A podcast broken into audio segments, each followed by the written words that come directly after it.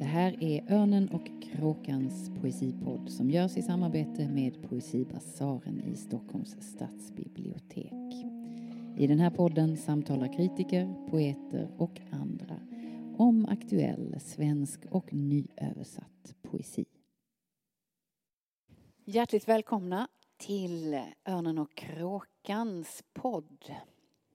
Motståndets poesi har vi valt att kalla den. Och jag är här idag. Edith Söderström heter jag och är redaktör på Örnen och kråkan tillsammans med Helena Boberg. Hej Helena! Hej hej!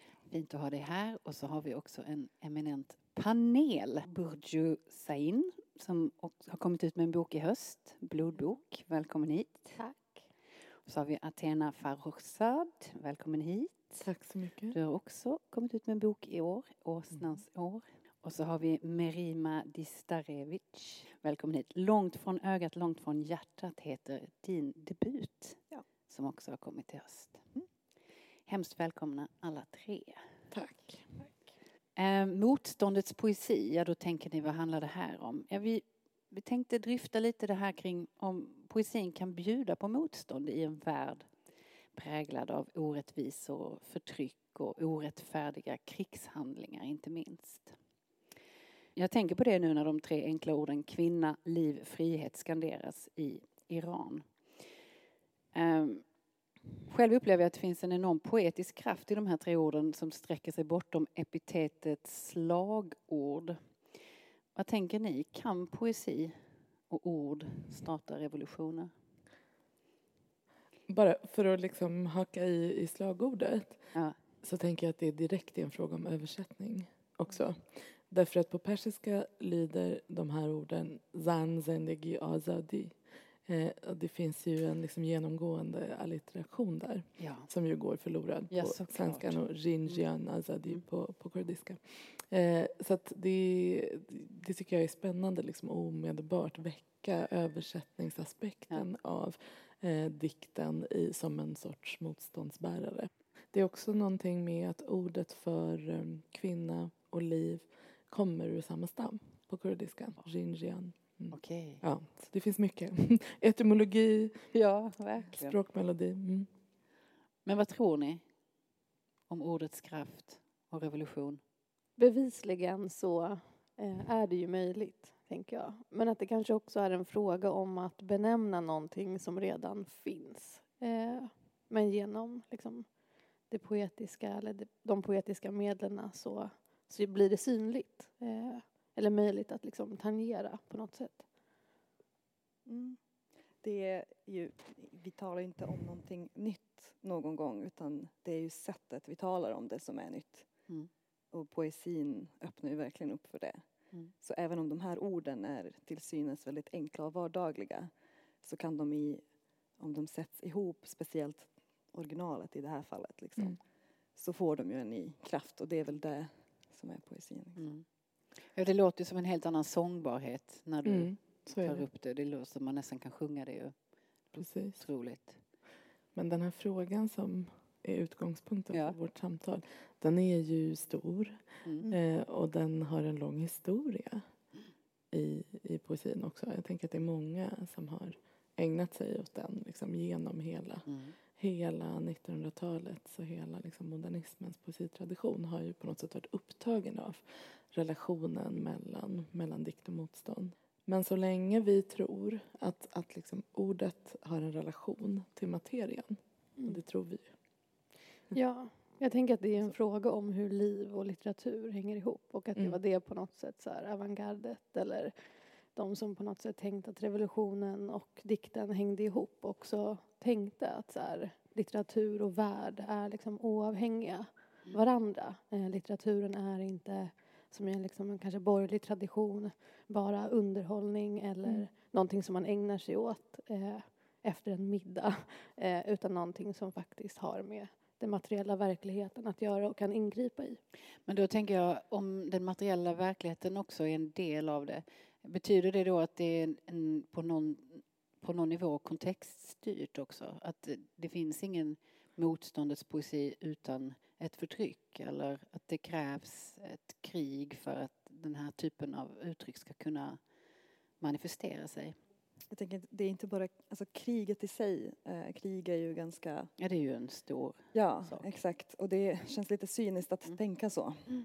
Eh, men eh, det fint, och jag tänker så här att, eh, och det har också att göra med att liksom vi eh, nu när, det handlar om ett sånt läge så blir de sakerna satta på sin spets. Men vi har ju liksom, vi lever i en tid i alla fall nu eh, som, som är en tid av förtryck på ett annat sätt. Och det är liksom, alltså poesin gör motstånd mot det här systemet på flera olika sätt.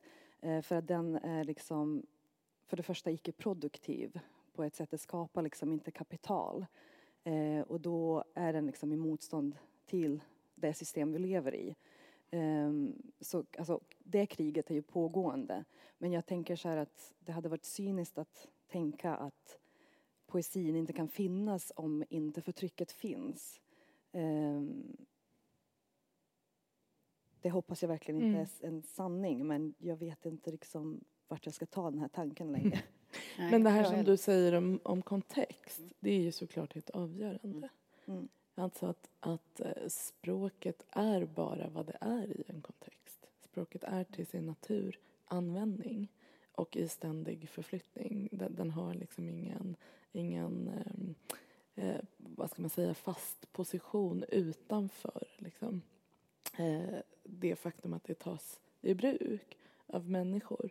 Eh, så det, det, är klart att dikten är, som, som du också är inne på tycker jag, Maria, alltid i relation, i svar, liksom, i dialog med sin omvärld.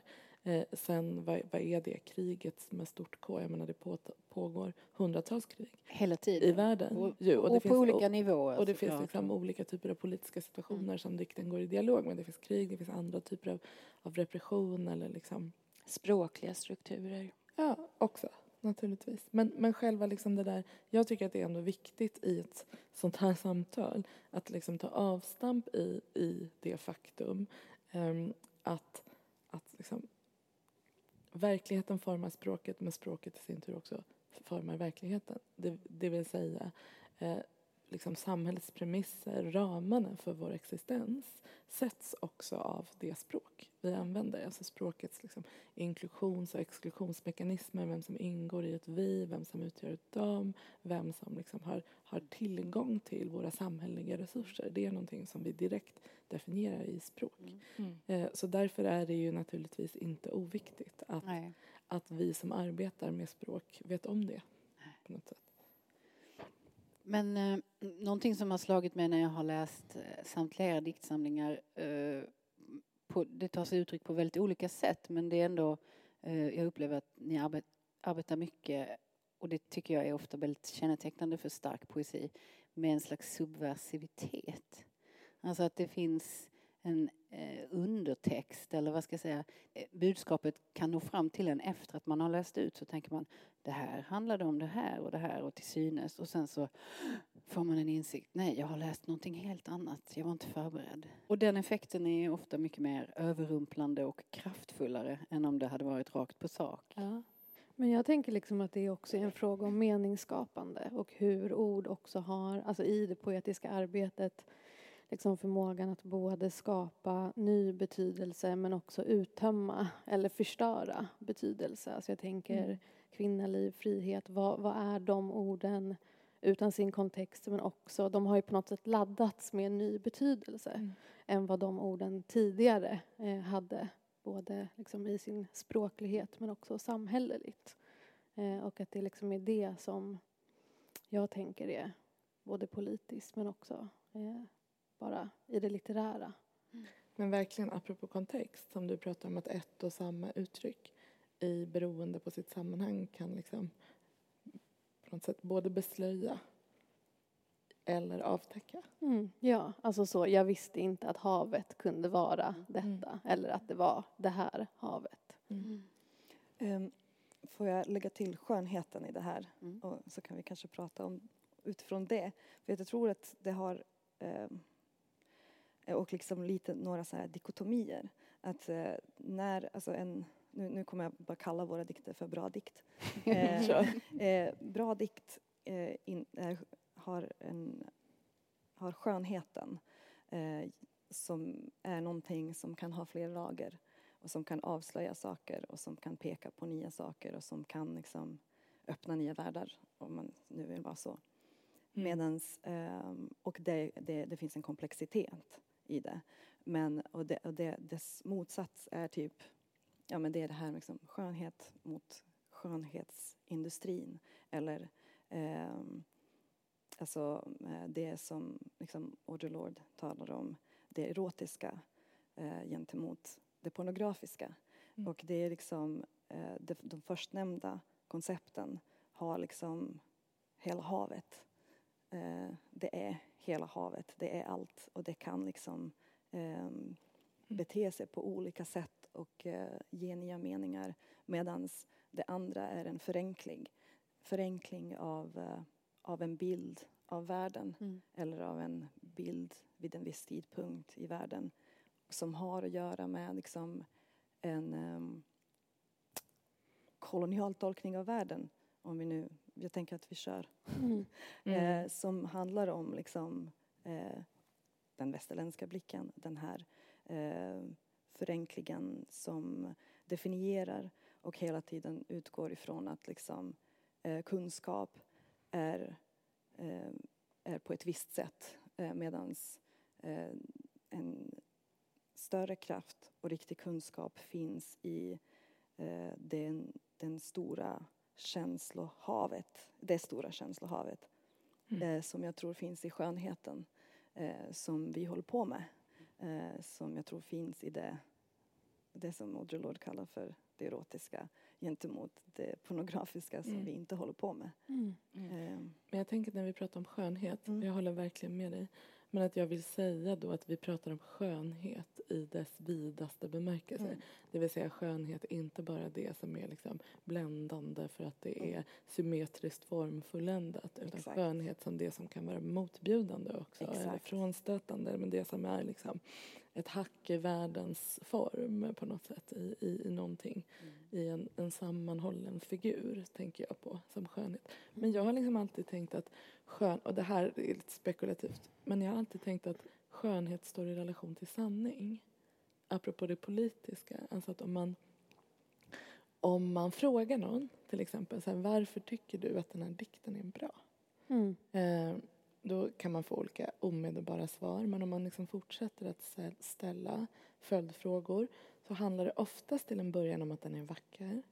Eh, men om man, om man liksom gräver djupare i det där så tror jag att personen i fråga förr eller senare kommer säga så här, den är vacker för att den är sann. Typ. Mm. Och att det finns en relation mellan de två storheterna, liksom, metafysiska storheterna eh, som poeten vet om. Att mm. man arbetar med form därför att formen är en väg till precision. Liksom. Mm. Jag oh, tänker ja. att det som eh, Merima pratar om handlar ju också om hur liksom, värden eller saker och ting som kan vara subversiva också Alltså det är intressant också i relation till användning för att det kan ju också plockas upp av en liksom kapitalistisk ekonomi och apparat som, som liksom approprierar de här värdena och gör dem till en, en vara eller en produkt som väldigt enkelt kan marknadsföras men också användas i andra intressen än just eh, mm. politiskt motstånd. Mm. Men sen så vill jag också gå emot er och kanske säga att alltså så här, jag vet inte om jag håller på med skönhet. Alltså jag tänker snarare att jag har varit, apropå en annan dikotomi, intresserad av det sublima som på något sätt är så här skräck och att mötas eller möta någonting som, som liksom ingjuter en slags här, eh, alltså både då metaforiskt men också faktiskt i livet. Eh, en erfarenhet som kanske har tagit en till någon slags gräns eller eh, liksom fråga om död. Eh, och att i det på något sätt komma ut som en annan. Vad menar du när du mm. säger det sublima? Menar du den hissnan, det hisnande sublima? Ja, ja. Men sublimitet är ju bara ett mer exakt skönhetsbegrepp, mm. tycker jag. Okay. Nej, men därför att det också står i relation till Alltså jag, jag, tror att för mig när jag skulle prata om sublimitet och det sublima så handlar det väldigt mycket om, om eh, system. Mm. Och sammanhang, alltså att erfarenheten och det sublima i, i dikten tycker jag är ett liksom, det svindlande ögonblick när man läser, när man tycker att allting hänger samman. Liksom. Alltså på något sätt universum, rymden, mm. stjärnorna och min, mitt, min egen sorg liksom, mm. avtäcks i ett fulländat system på något sätt. Det tycker jag är mm. sublimiteten. Mm. Det är ett, mer liksom, vidsträckt skönhetsbegrepp på något sätt. Och en sublimering av någonting mm. smärtsamt det är också, kan också vara väldigt viktigt eh, att syssla med i konst och skrivande. Mm. Men det tänker jag också är problematiskt på ett sätt. Eh, för att så här, om man tänker på då skrivande och sen politisk handling. Ibland undrar man ju, alltså jag tänker att båda är görbara och liksom kan löpa parallellt. Eh, men också så här, sublimerar jag då min ilska eller mm. min vilja till förändring genom att skriva? Och sen kan ju liksom dikten eller litteraturen i sig kanske också sätta igång en rörelse eller vara en kollektiv kraft. Eh, men den är ju, kan ju också vara en väldigt ensam plats. Mm. Mm. Eh, och så här, drar den mig då närmare världen eller längre bort mm. ifrån den? Men får jag bara säga en sak i det här tidiga skedet i det här samtalet apropå det och apropå det du sa inledningsvis, kan poesin överhuvudtaget bjuda motstånd eller är det en illusion som vi gör oss för att vi älskar poesi liksom och sen är vi, är vi också socialister eller feminister eller vad vi nu är. Så eh, jag tror att för mig är det viktigt ändå att göra en distinktion. Det är klart att poesin ingriper i världen för att världens gränser utgörs av språk. Men det finns gränser för vad poesin kan göra. Poesin arbetar med att strukturera tecken och strukturera om tecken och kan göra liksom vissa ingrepp i världen genom det eftersom tecken och det betecknade hänger samman. Men det finns oerhört mycket som man inte kan göra mm. i text och i dikt. Otroligt mycket som man behöver liksom göra på gator och torg och organisera mm. sig kring. Men det kan ju få oerhört stor betydelse för många människor. Jag tänker också ja. på genrer som gospel och barbershop, eh, musik, lyrik som är en så här befrielse, mm. eh, kraft och rörelse. Och, ja, det finns en lång rad exempel. Mm. Verkligen.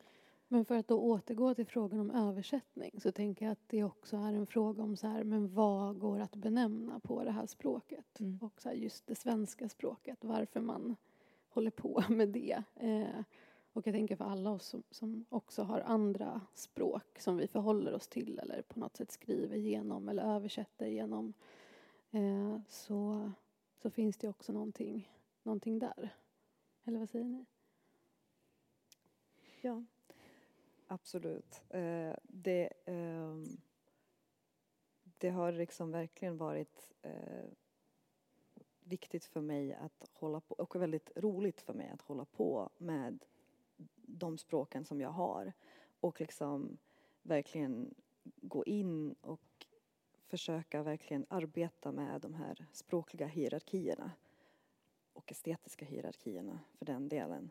Eh, och eh, det finns någonting, det är nästan som att eh, det är nästan som att man får liksom eh, någonting gratis ibland när man, när man är när man liksom bara översätter från mm. en, ett språk till ett annat och poesin liksom sker där eh, direkt. Så att det jag nu presenterar som svensk poesi eh, ser liksom helt plötsligt annorlunda ut på grund av, bland annat, eh, att det har liksom kommit från ett helt annat språk mm. också. Eller mm. flera andra språk liksom, för den delen. Kan du förklara lite närmare, jag blir så nyfiken när du säger språkliga hierarkier. Vad menar du rent konkret då? Um, en grej som, och det kan vi snacka länge om, men liksom en, en sak som har skett eh, med mitt skrivande är att det liksom, även liksom titeln, den, den, den är ju liksom ganska eh, ordspråklig. Mm. Liksom. Eh, och det är ju inte kanske väl så jättefint, eh, mm. kan man nu, nu, nu generaliserar jag också. Långt från ögat, långt från hjärtat. Mm. Alltså ansett som fint liksom, i ett svenskt poesisammanhang menar du? Ja, alltså ja. det idiomatiska ja. liksom, som också på något sätt är väldigt nära någon sorts humor. Mm. Och eh, där kan vi ju prata om med dig. Ja. Eh, humor och motstånd. Liksom. Nej men också så att det, det, är någonting, liksom, alltså det finns ett motstånd mot att använda humor i, i poesi tänker jag. Mm. Och den, eh, den liksom den, det syskonet som humorn har är liksom ordspråk, ordsträv och sådana grejer. Mm. Eh, och rim och liksom Um, men sen så finns det också saker som är helt fantastiska som händer. Um, jag kommer ihåg jag läste, det finns en författare som heter Alexander Hemmon. Han är från um, Bosnien-Hercegovina men han, han skriver på engelska och bor i USA.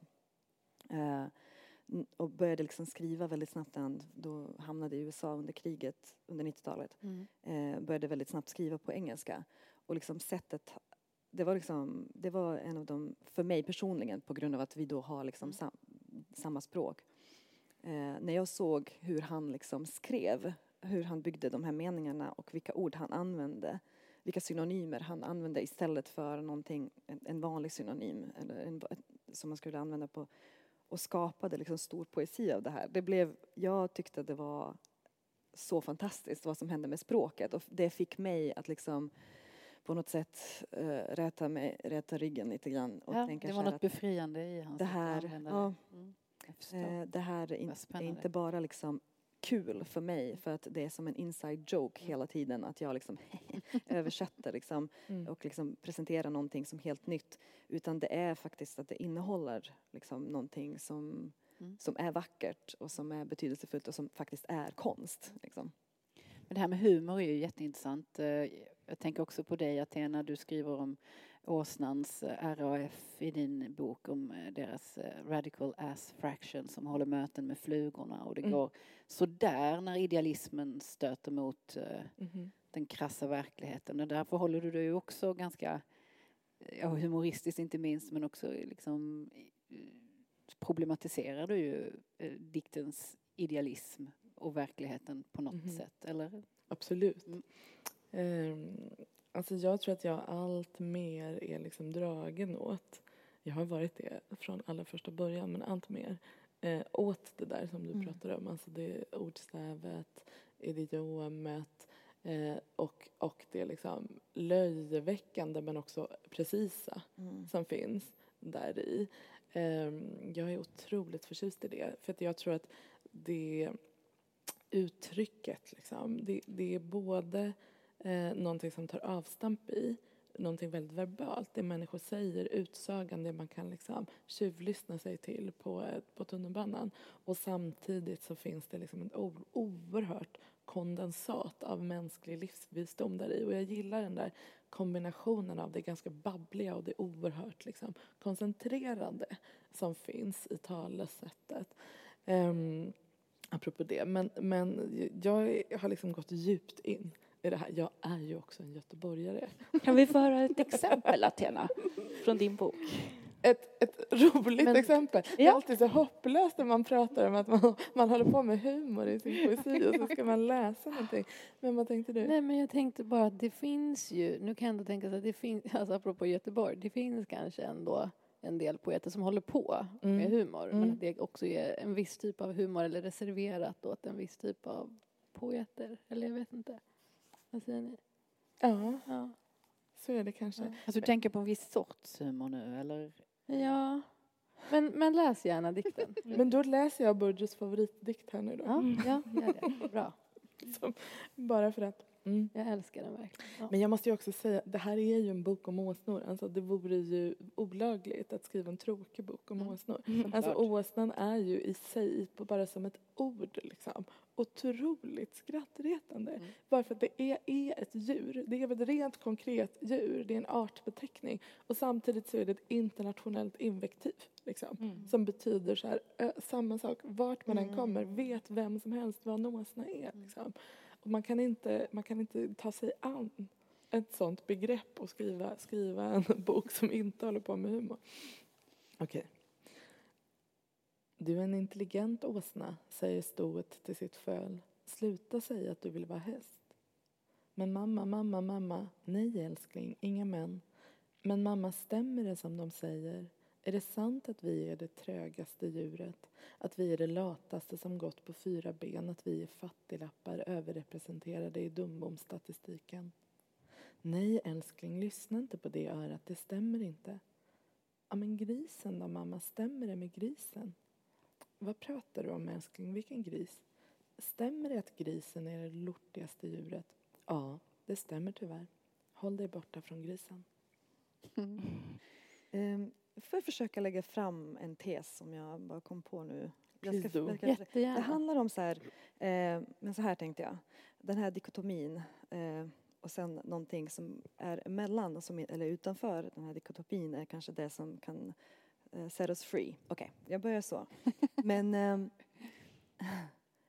så det jag tänkte på här var att också det här med det sublima och liksom hur man arbetar. Alltså det här med att eh, vi sitter ju och skriver och ibland så kan det ske någonting fantastiskt, alltså med alla konstformer och, eh, och även utanför konstformerna. Att någonting eh, eh, alltså extremt underbart händer och förhöjt. En känsla av att liksom, om man nu vill och tror på Gud, alltså att vara nära Gud eller att vara nära liksom en sanning eller att vara i skönheten kanske.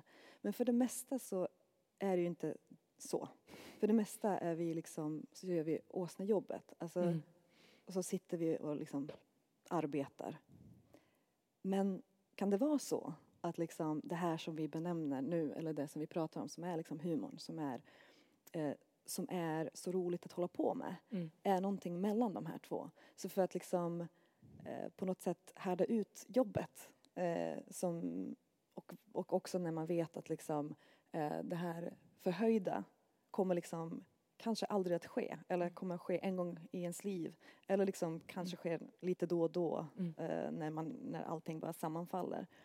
Men under tiden som mm. man arbetar på sitt åsnejobb så kan man ju ha lite kul också. Det är en jättespännande tes mm. tycker jag. Um, ja men man måste ju stå ut liksom. Mm. Man måste underhålla mm. sig själv. Jag tror att för mig är det också humorn står i intim relation till respektabilitet. Mm. Alltså det är, menar, en annan aspekt av hela det här samtalet kring motstånd och poesi är liksom, vem kan överhuvudtaget skriva poesi?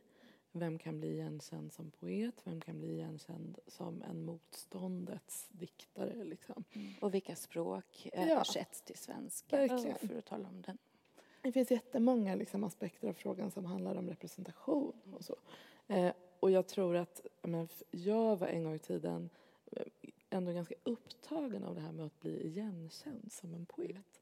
Det vill säga att, att, liksom, kun, att visa så här, jag behärskar poesins mm. alla uttrycksmedel. Liksom. Jag kan skriva ekvilibristiskt på de här sätten. Eh, och nu för tiden så njuter jag mm. oerhört mycket av att bara tramsa runt mm. i språket. Liksom. Ja. Alltså det, för mig är det, jag menar, det är inte en, en, inte en enorm motståndshandling, men i min liksom lilla, lilla, lilla vardag så är det också otroligt givande och, och känna, men fuck you, vet ni vad? Jag håller på att tramsa runt med en åsna, jag kan göra det mm. på 120 sidor. Nu vet jag att det här är poesi. Du vet. Ja. ja. Men nu är det som att jag tog, tar över din... För, för att jag Kör bara. En grej. Jag, jag tänkte så här, det här, men det här är att eh, efter, alltså från humorn kan man gå till liksom absurditeten. Mm. Och jag tänkte att det, det är viktigt, alltså det absurda, mm. historiskt också, mm. i konst, i, i mm. dikt, mm. har varit liksom eh, en, en, en, ett, ett viktigt verktyg för att göra motstånd på. Verkligen. För att det avtäcker också ju Exakt. verkligheten. Och satiren. Och det tänker jag på mm. dig Burjo och din diktsamling. Du avtäcker ju också någonting absurt när du är inne och har fått arkivfeber som du skriver. Ja men precis. Alltså jag är inte lika rolig som ni är tyvärr. I alla fall inte i litteraturen. IRL kan vi diskutera. oj oj oj, ni skulle bara veta. Eh, men just arkivet tror jag att jag liksom relaterar mycket till det ni säger. Alltså både i slags, någon slags uthärdande och så tänker jag väldigt mycket på så här, ja, men humor och sorg och hur liksom väldigt traumatiserade människor ofta är väldigt roliga. Alltså, jag tänker på människor jag växt upp mm. med eh, och hur man liksom så, ja men hittar någon slags eh, mm Liksom, även om det är på varandras bekostnad, vilket det ofta är. Du vet, mm. Man roastar varandra eller har en sån... Ja. Eh, liksom, Men i eh, din diktsamling så jobbar du väl mer... Du har ju, håller ju också på med ytterligheter och liksom förena oförenliga bilder kan jag tycka. Det finns liksom blomsterriket och en slags sensualism som krockar med det här krassa kategoriserandet av världen och din liksom underliggande kritik av ett system som mm. du inte vill inrätta dig i. Men det finns det. ju också någonting skrattretande i att vilja organisera hela världen mm. utifrån mm. liksom,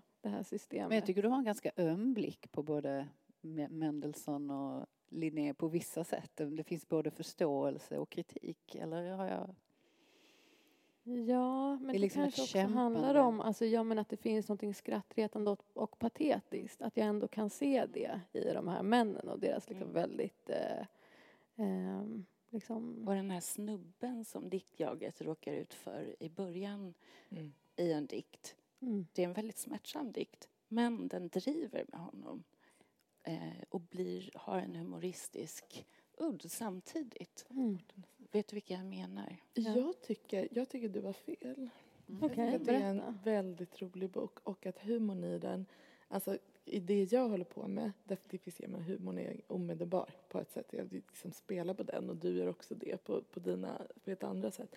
Men humorn i din bok tycker jag växer efter ett tag. För att den är kanske mycket um, hårdare på något sätt. Alltså det, det finns någonting, ett liksom rak en rakbladsäggande humor. Mm. En humor som vill eh, förgöra. Eh, som vill, ja, verkligen som vill förgöra men också som står i relation till, kan inte jag få tillbaka den? Jo. som står i relation till det triviala. Eh, som jag tycker är underbar.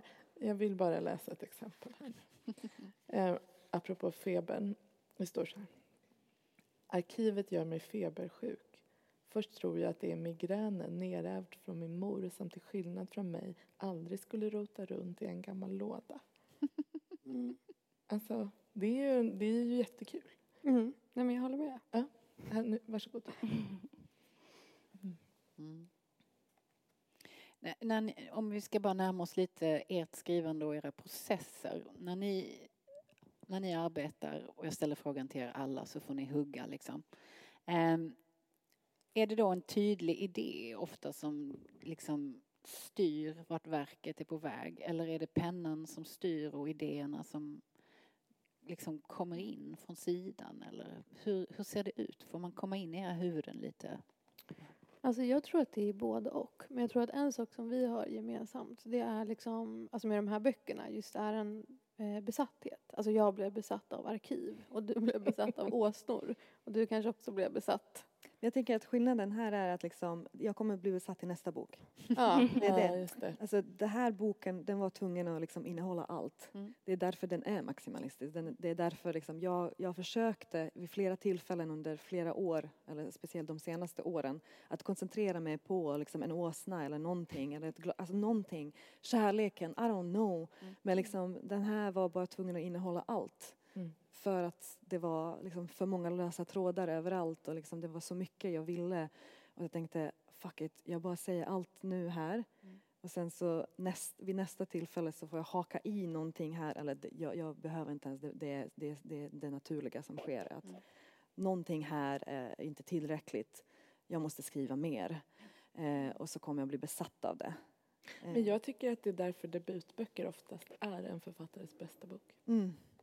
För att, okay. ja, det är hårt att säga, men, nej, men att det är någonting med att man, det är livets, hela ja. livets material. Som ja, det är hela ut, liksom. Det är det första utloppet. Mm. Mm. Mm. Och då har du Adriatiska havet i din bok med. Mm. mm. Ja. Hur arbetar du med det? Hur jag arbetar med Adriatiska havet? Mm. Jag tycker att det är en katalysator för en mängd olika motiv som uppstår där.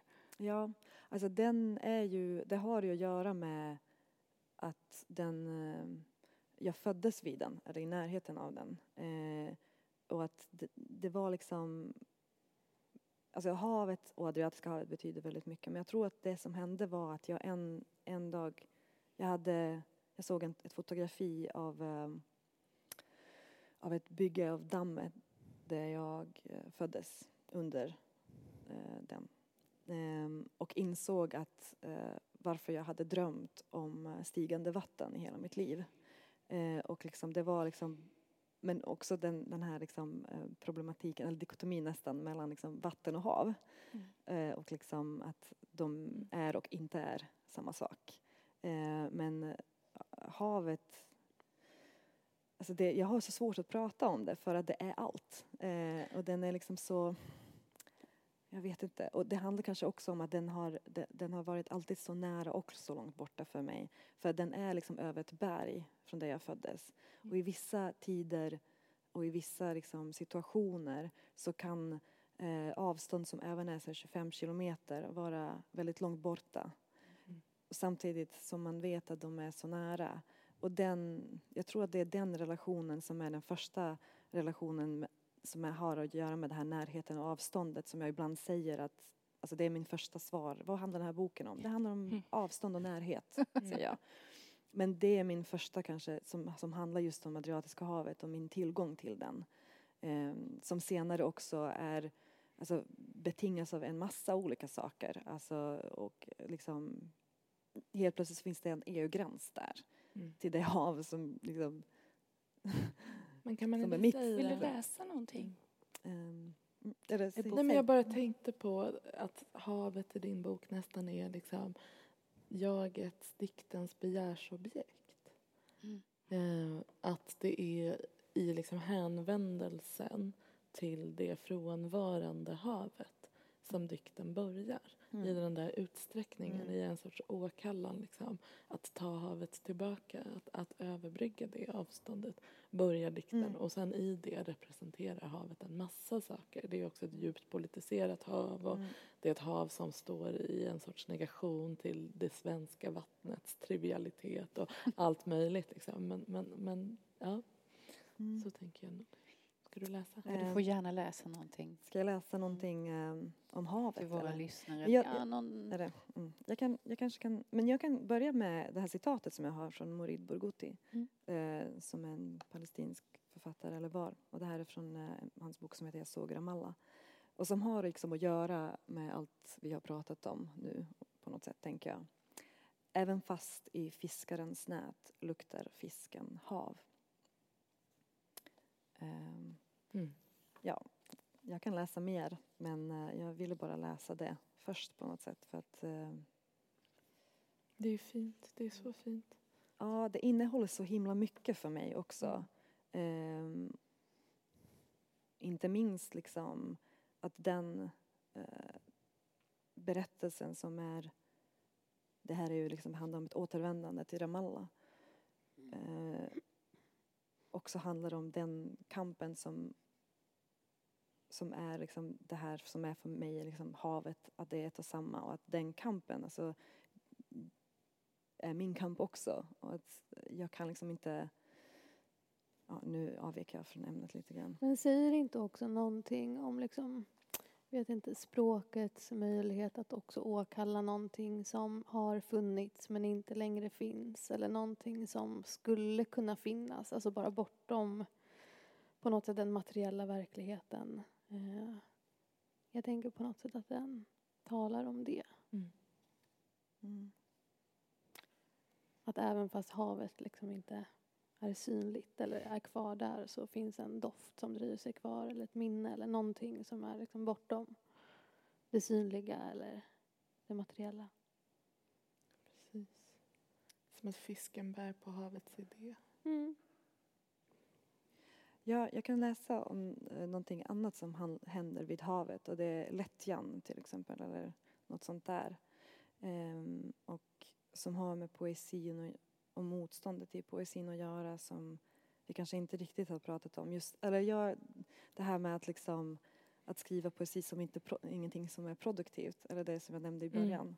Mm. Eh, och liksom att vara i motstånd genom att inte vara ändamålslös på något mm. sätt. Men får jag bara säga en sak om det? Eh, alltså jag tänker att den ju är inte pro produktiv på det sättet. Den kanske skapar liksom ekonomiskt kapital. Mm. Men den skapar ju andra ja, ja, alltså, värden. Men det är verkligen absolut 100 procent. Ja. Alltså det, det kändes viktigt ja. att, att säga ja, ja, det. Det gör den ju. Men jag tänker att det du pratar om Marie, handlar om att poesin ställer relationen mellan produktion och konsumtion fullständigt ur spel. Mm. Också att den inte opererar liksom, enligt mm. marknadens logik.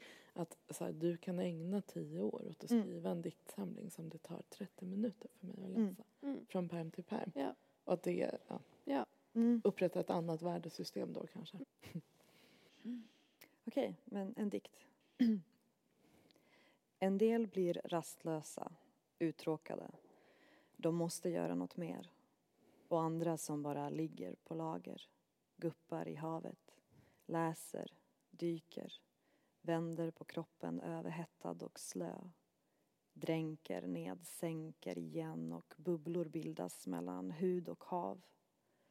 Hav avdunstar så upphettad av hud. Åh, oh, joj, Just så. Och sen börja om igen på stenen. Nej men, vi hinner en gång till. Jo, jo, säkert. En till. Det är allt vi behöver. Bubblor växer och krymper ohämmat under ögonlockens blodröda molnfria himmel precis innan man somnar. När någon säger tänk att du står på en strand så tänker de också sand. Men vad ska man med sand till? Sand i skåror inunder, ut med på allt, överallt. Ge mig strata på strata på strata på strata. Vågräta skikt, akupressur, zonterapi, förskjuten smärta.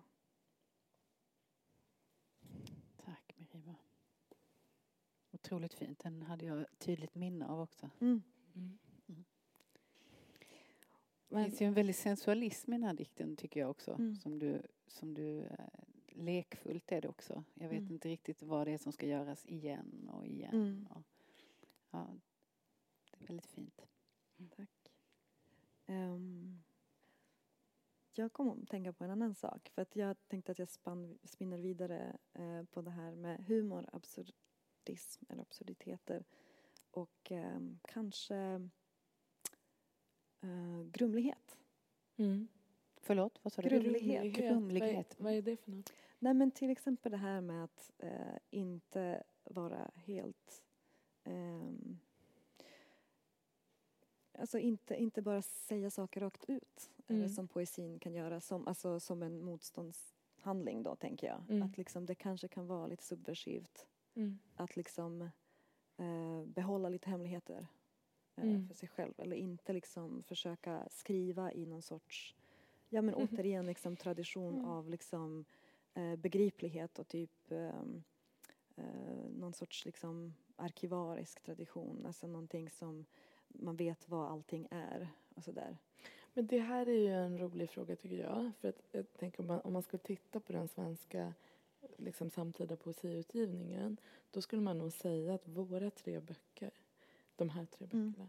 Verkligen är böcker som befinner sig ganska långt ut på en sorts liksom, eh, axel där, där, där liksom, eh, man vill kommunicera. Mm. Alltså kring det mm. kommunikativa, kring att, vara, kring att vara rak, utsagd, liksom begriplig, mm. kommunikativ, tydlig. Mm. Eller hur? Mm. Jag tänker att vi alla håller mm. på med det, verkligen. Liksom, I både utsaga och bildspråk och, och rytm och allting.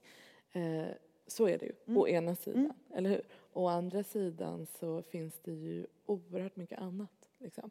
Un undertext och eh, motstridiga begär och rörelser som opererar i dikterna. Mm samtidigt. Mm. Alltså, jag är nog väldigt förtjust i den typen av poesi som till synes mm. liksom, mm. säger någonting ganska rakt ut och, men sen så, ah, mm. så finns det mm. liksom en underström av, av, mm. av virvlande begär. Liksom. Mm. Och Burru, du har till och med tomrum i din dikt där det ser ut att det, som att det ska finnas ord som du har tagit bort. Men jag tänker liksom att alltså synlighet och representation har varit en sån liksom stor och viktig fråga. Alltså både så här i litteraturen men också politiskt. Vilka får synas och varför?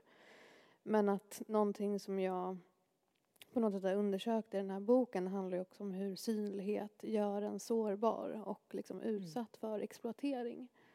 Eh, och att så här, den synligheten eller att få konturer kan också liksom användas av makten för att så här, nagla fast den och på mm. så sätt liksom, att det har med benämnandet att göra som ju är själva liksom, poesins förutsättning. Men det finns ju någonting gudomligt i det också. Alltså för att det på något sätt är där så världen skapas. Och att vilja gå in i det benämnandet tänker jag är att så här, vilja göra någonting synligt men på samma sätt vilja undandra sig för att det också alltid riskerar att liksom, förstöra eller så här, göra mm. det, man, det man lägger fram eh, utsatt för. Mm. Och det tycker jag ändå du få med i din bok att du befinner dig i spänningsfältet i liksom benämna, mm. inte förstöra, mm. vara i, förklara, inte förklara. Det är mm. en väldigt stark rörelse i mm. din bok. Jag är också väldigt förtjust i den här, mot slutet kommer det en, en del där du nämner en rad eh, fruktansvärda eh, mord med rasistiska motiv i svensk historia med ett du-tilltal, om jag inte minns fel, som gör att det är väldigt intimiserat och väldigt, eh, man luras in i den eh, sviten nästan. Och mm. Eh, sen efter ett tag så går det upp för en vad det är man läser. Det är extremt effektfullt och väldigt eh, berörande. Um, kanske vi kunde få höra någonting av det. Mm. Men du får gärna läsa något annat också. Men jag... Nej, men jag kan läsa den första mm. dikten i eh, den eh, som ju då utgår från eh, ett nazistiskt terrordåd på den kommunistiska tidskriften Flamman som ägde rum eh, under 1900-talet. Och sviten heter då Minneslund. Minns du explosionen och det vita trähuset i lågor? Minns du vårvintern och skenet längs älven i Luleå? Minns du tidningsredaktionen och tryckeriet och knutna lakan som firades ner från övervåningen? Minns du de som överlevde och de som inte gjorde det? Minns du när liken bars ut ur ruinerna och fotograferades och lyftes upp på lastbilen och kördes till bårhuset? Minns du hur män från militärtjänsten och en journalist stod och skålade i champagne under kristallkronan i kaptenens vardagsrum? Minns du hur elden förvandlade allt? Mm. Den här kaptenen och de här champagneglasen är också otroligt oroande, väldigt jobbigt. Jag vet inte varför jag får, det var en väldigt stark bild av ett slags en befäst värld. Som, jag vet inte, det är väldigt bra. Kan bra poesi någonsin gå maktens ärenden? Det motsatta liksom. Tänk på en poet som Marinetti. Hans futuristiska manifest från 1909. Han blev ju fascist en mm. väldigt lojal sådan. Det är alltid han och Ezra Pound på något sätt. ja. så, det, det, är de uh, italienska. Men apropå skönhet så hävdade de ju på något sätt också att kriget var vackert. Ja, de estetiserade ju politiken. Det är ju en del av fascismen att man estetiserade. Jag menar, Eh, Hitler var också duktig med ord. Han kanske inte var mm. poet men han skanderade, han mässade, han mm. sjöng. Eh, det är kan klart att det finns en citera Benjamin nu? Eh, Vadå att estetisera politiken är barbari eller vad säger han? Mm. Um, alltså jag menar det finns ju en otroligt lång historia av nationalistisk poesi. Mm. Uh, och, och menar, dikten har ju varit liksom intimt mm. kopplad till eh, de europeiska hoven eh, till exempel och alla, alla de här liksom eh, hovskalderna och hovens liksom, bärande roll i, i eh, den koloniala exploateringen av, av liksom hela världen. Eh, den går ju inte att förneka. Eh, så är det ju. Om jag får bryta in, ja. alltså apropå humor kan man ju också säga att narrens roll ja. på hoven, om man nog ändå är fångad i liksom den här världen och i de här systemen så, mm. Mm. Ja, det var ju också en det var en ventil. Eh, funktion. Mm. Mm. En viktig det, ventil. Ja, men jag tror att vi nog alla är överens om att det finns ingenting liksom, eh, inneboende radikalt eller gott i diktens mm. väsen. Mm. Um, alltså det dikten ytterst gör det, det är ju att den liksom, uh, ställer upp olika språkliga formationer för människor att liksom beröras av. Eh, och sen när man väl lyckas fånga en läsares eller åhörares intresse då kan man liksom operera inom henne och, och sälja på henne olika saker. Liksom. Jag tänker ofta på att, att poesin jobbar ju med liksom, eh, troper och stilfigurer. Det, det är ju poesins själva material. Eh, både liksom rytmiska och bildmässiga material. Och jag menar det, stilfigurerna är någonting som poesin använder sig av men också reklamen. Eller hur? Alltså alla de här liksom allitterationerna och, och, och um, anaforerna och allt det här. Det, det, är liksom, det finns någonting oerhört manipulativt. Det är exakt det, ja mm. precis. Ja. Det manipulativa ja. i språket. Men jag menar, det är ja. det som i mm. poesins kraft kommer ur dess manipulationsförmåga. Och den kan man använda på många olika sätt. Men det har att göra med att vi har så dåligt minne, tänker jag. Mm. Och att liksom den, det verktyget uppstår på grund av att, alltså upprepningen och reklamen. Mm. Och liksom, eh, tyvärr så har ju liksom eh, fel eh, människor insett kraften i det här. och att liksom, men, men det som är lite så här som går emot det här liksom att man inte ska använda härskarens verktyg. Alltså de har ju fått oss att tro att det här är deras verktyg nu. Men alltså jag tror fortfarande att vi kan använda oss av liksom, alltså vi, kan, vi borde titta på hur reklam faktiskt används. Eller liksom mm. hur det har använts historiskt liksom av typ kyrkan och liksom diverse. Mm. För att det handlar ju liksom om en upprepning. Eh, alla, eller de religionerna som vi har närmast här och liksom, men också andra har, jobbar ju väldigt mycket med det här på grund av att de vet att vi kommer inte ihåg. Nej, det är minnestekniker. Eh, ja. Mm. Eh, men tyvärr så har ju de här liksom verktygen som är poetiska verktyg approprierats av eh, fel eh, instanser. Mm. Detta som kommer från en av Audre Lords allra mest kända dikter mm. som du har översatt också. Ja, mm. mm. så har det blivit. Mm. Hörrni, det är så roligt, vi kan prata i timmar men vi har inte så många timmar. Mm. Vi måste börja avrunda. Mm. tycker vi avrundade ganska fint här. Mm. Eh.